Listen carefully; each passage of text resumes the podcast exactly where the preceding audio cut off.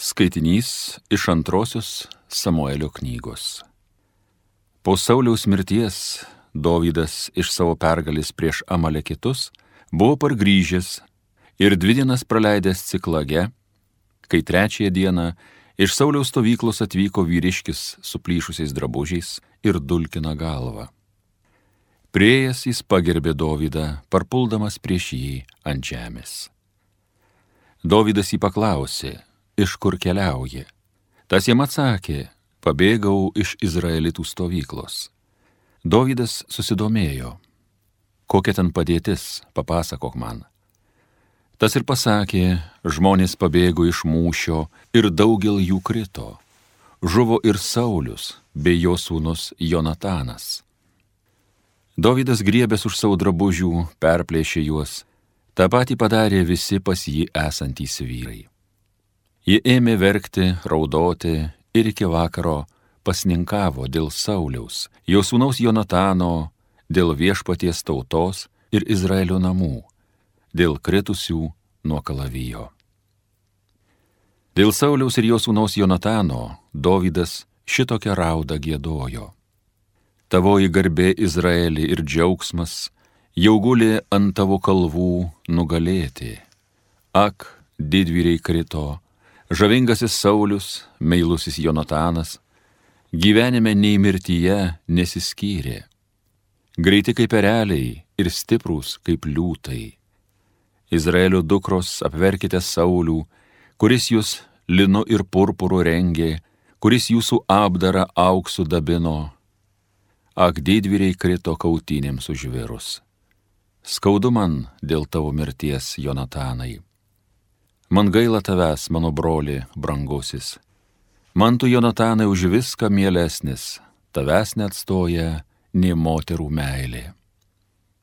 Ak, didvyriai krito, jų ginklai sulūžo. Tai Dievo žodis.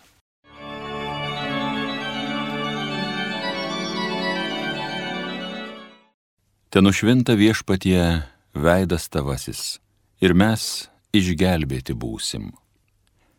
O Izraelio ganovę atidžiai paklausykė, tavo į sostą laiko sparnai cherubinų. Pakilk su didžiaja savo galybė, ateik mūsų vaduoti. Ten nušvinta viešpatie veidas tavasis ir mes išgelbėti būsim. Dangaus kariuomenių dievę sugrįžkė, pažvelk iš dangaus, pasižiūrėk ir aplankyk šitą vynmedžių sodą. Globok jį, tavo rankų sodintą, atžalą tavo užsiaugintą. Ten nušventa viešpatie veidas tavasis ir mes išgelbėti būsim. Alleluja.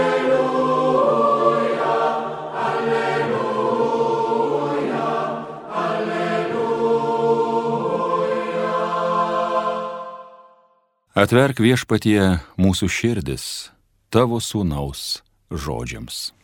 Alleluja, alleluja, alleluja.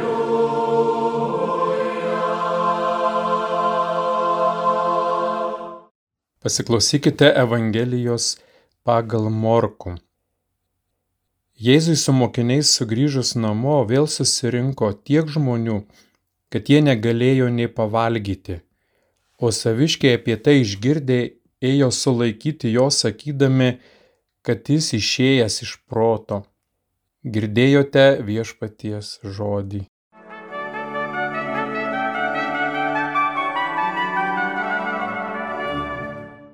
Šiandieną paimta Evangelijos ištrauka yra labai trumpa, tokia lakoniška, kad gal Niekur kitur mes nerastume liturginiuose skaitiniuose tokios trumpos ištraukos ir galbūt atrodytų, kad bažnyčia kažkaip um, netaip pasielgė, nes per mažai įdėjau teksto, net ir klebonam reikia pasukti, ne vienam turbūt pasukti galvą, ką čia tokiu atveju būtų galima pasakyti, ką čia būtų galima paaiškinti, tai elementari situacija Jėzus su mokiniais sugrįžta namo, susirenka daug žmonių. Aišku, visi žmonės pas Jėzų ateina su įvairiausiais poreikiais. Tuo metu yra, kaip mes sakytume, ant bangos. gydo žmonės, jiems padeda, atliepia jų pačius svarbiausius poreikius.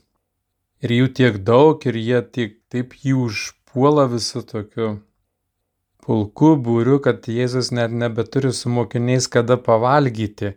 Ir Jėzus jų neatstumia, Jėzus nesako, palaukit, dabar mane mano nedarbo valandos, aš turiu palsėti, aš esu pavargęs, aš noriu papietauti, atėjo mano pietų metas, kaip mes kartais klebonai linkę daryti, dabar netrukdykit, dabar ties aš neturiu laiko, dabar man irgi žmogus aš esu, man irgi reikia palsėti, man irgi reikia atsigauti, aišku, tai natūralu žmogiškai yra, kai tu pavargęs, tu nieko negali ir kitam duoti, negali ir kitam ir padėti. Bet Jėzus elgesi labai, mes sakytume, nepraktiškai, net saviškiai, jau pastebi, išgirdę, eina jo sustabdyti, ateik, baig, nedaryk to ateik palsėk, pavalgyk, nes ilgiesi keistai, niekas taip nesielgės, atrodo kaip iš proto išėjęs. Kur tie žmonės niekur čia jie nedings, viskas čia susitvarkys, čia, kaip jisai sako, pasaulis nesugrius, visą laiką buvo ir bus tų sergančių. Bet esmė yra ne tame, kad ten Jėzus daugiau žmonėms padės, mažiau padės, bet pats esmė pati yra Jėzos nusiteikimas. Ir čia turbūt reikėtų žvelgti į tai, nes mums labai dažnai trūksta to Jėzos nusiteikimo.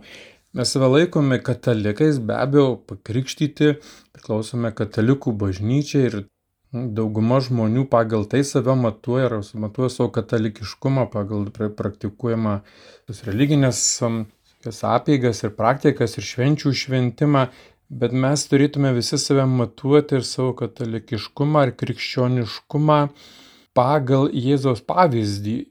Mums Jėzus yra tas matmuo, į kurį mes visi lygiuojamės ir elgiamės taip, kaip jisai elgėsi, nes mes esame mokiniai.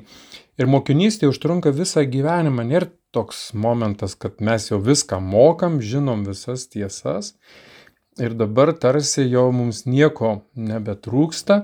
Tas savęs savęs pakankamumas pati didžiausia blogybė, kuri mums trukdo, daugeliu žmonių trukdo aukti, su manim viskas tvarko, išlaikausi dešimt Dievo įsakymų, atliekau kitus būtinus dalykus, iš kurių iš manęs reikia, kurie iš manęs, iš kurių reikalauja bažnyčia, laikausi dešimt Dievo ir penkių bažnyčios įsakymų, ko dar tas klebonas nepatenkintas arba ką aš dar čia netaip darau ir taip skeptiškai iš šalies žiūriu į kitus tokius entuziastus ir galvoju, ai kažkokie čia fanatikai, jau tiek tai man tikrai nereikia, jau man tikrai to, to čia per daug, aš ne koks fanatikas, aš čia padarau, kas, kas priklauso, ir čia kažkas ko per daug, tai čia jau yra kraštutinumas, o kraštutinumai tai visą laiką jau yra tam tikros nukreipimai nuo normus. Tai daugeliu atveju taip ir galvojama ir, ir tas, tas mūsų tikėjimą būtent ir padaro tokį labai tokį oficialų, drungną, sustabarėjusį, neveiksmingą, neuždegantį. Ir vienas Lietuvos, um, vienas iš vyskupų, aš tikrai negaliu pasakyti, kuris yra pasakęs, kad sako, jeigu niekas nemiršta už idealus, numiršta idealai. Galvojama, kad uh, tarsi jeigu jau pasiaukoji, jeigu tau kainavo per daug jėgų, jeigu per daug pavargai, jeigu per daug laiko jau, arba tarsi reikėjo atsitraukti nuo savo reikalų ir visus dalykus padaryti tik tada, kada tau jau laiko buvo ir atliko, tai, tai jau tai normalu, bet jeigu jau tu vagi savo laiką nuo šeimos, vagi laiką nuo savo reikalų, tai jau yra nenormalu.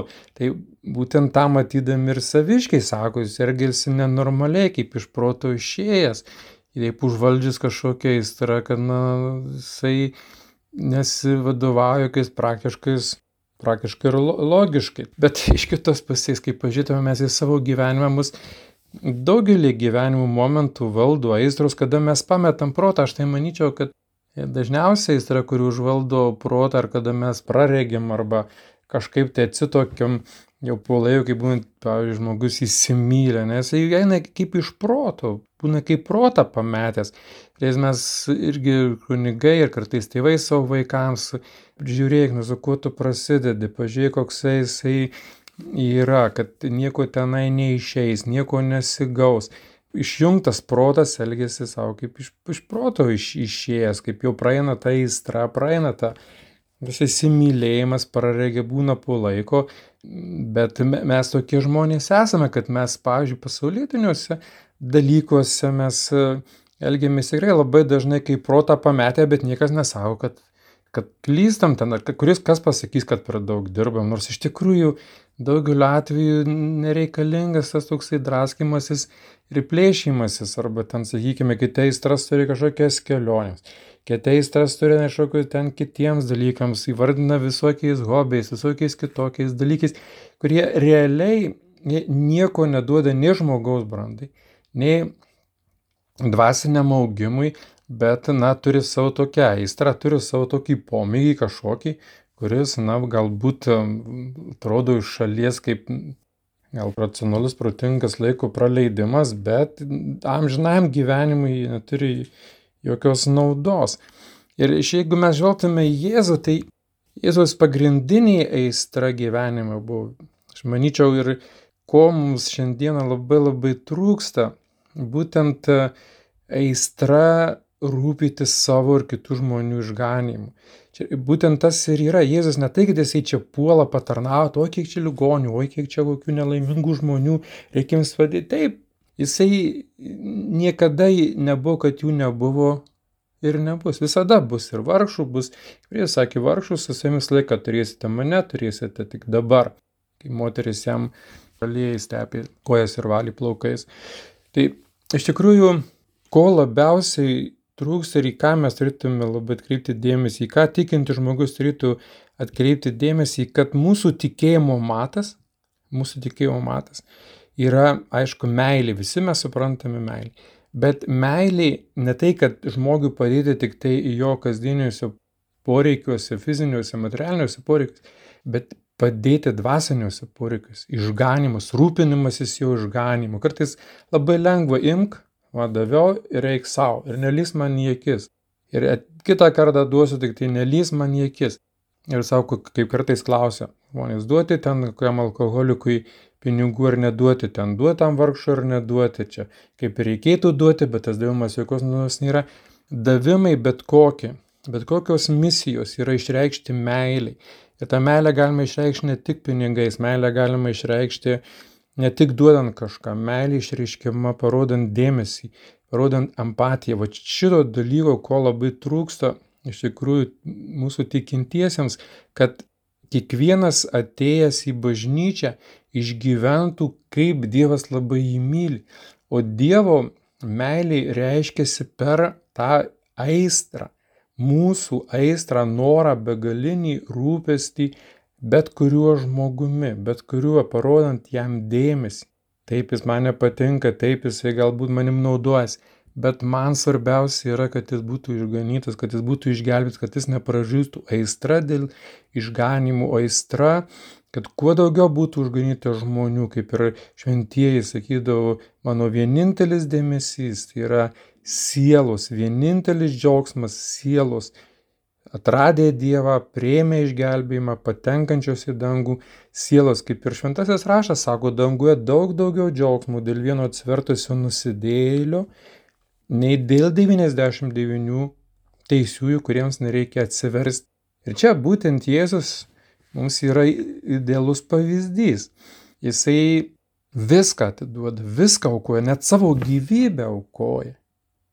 Savo gyvybę atiduoda kad parodytų meilę, kaip jis labai myli ir kaip jam labai rūpi mūsų išganimas.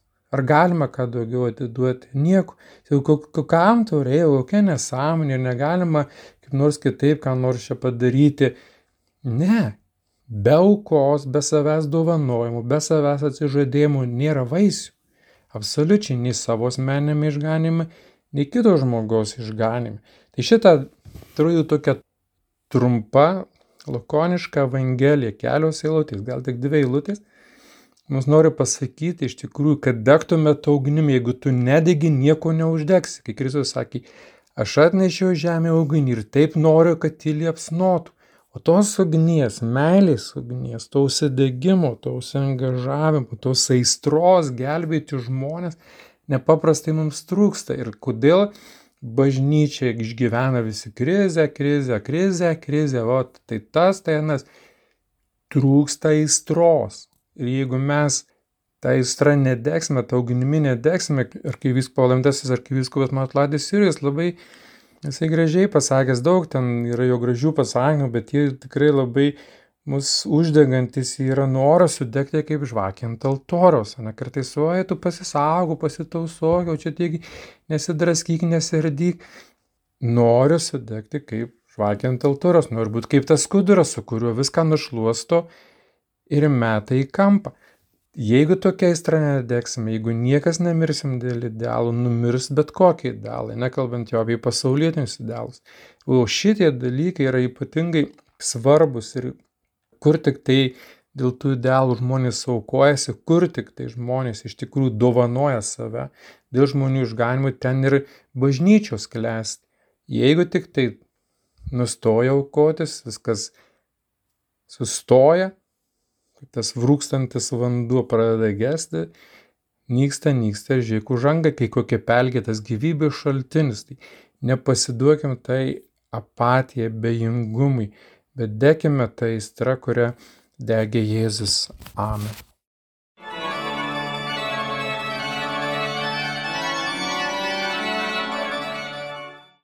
Homilija sakė kunigas Vaidotas Labašauskas.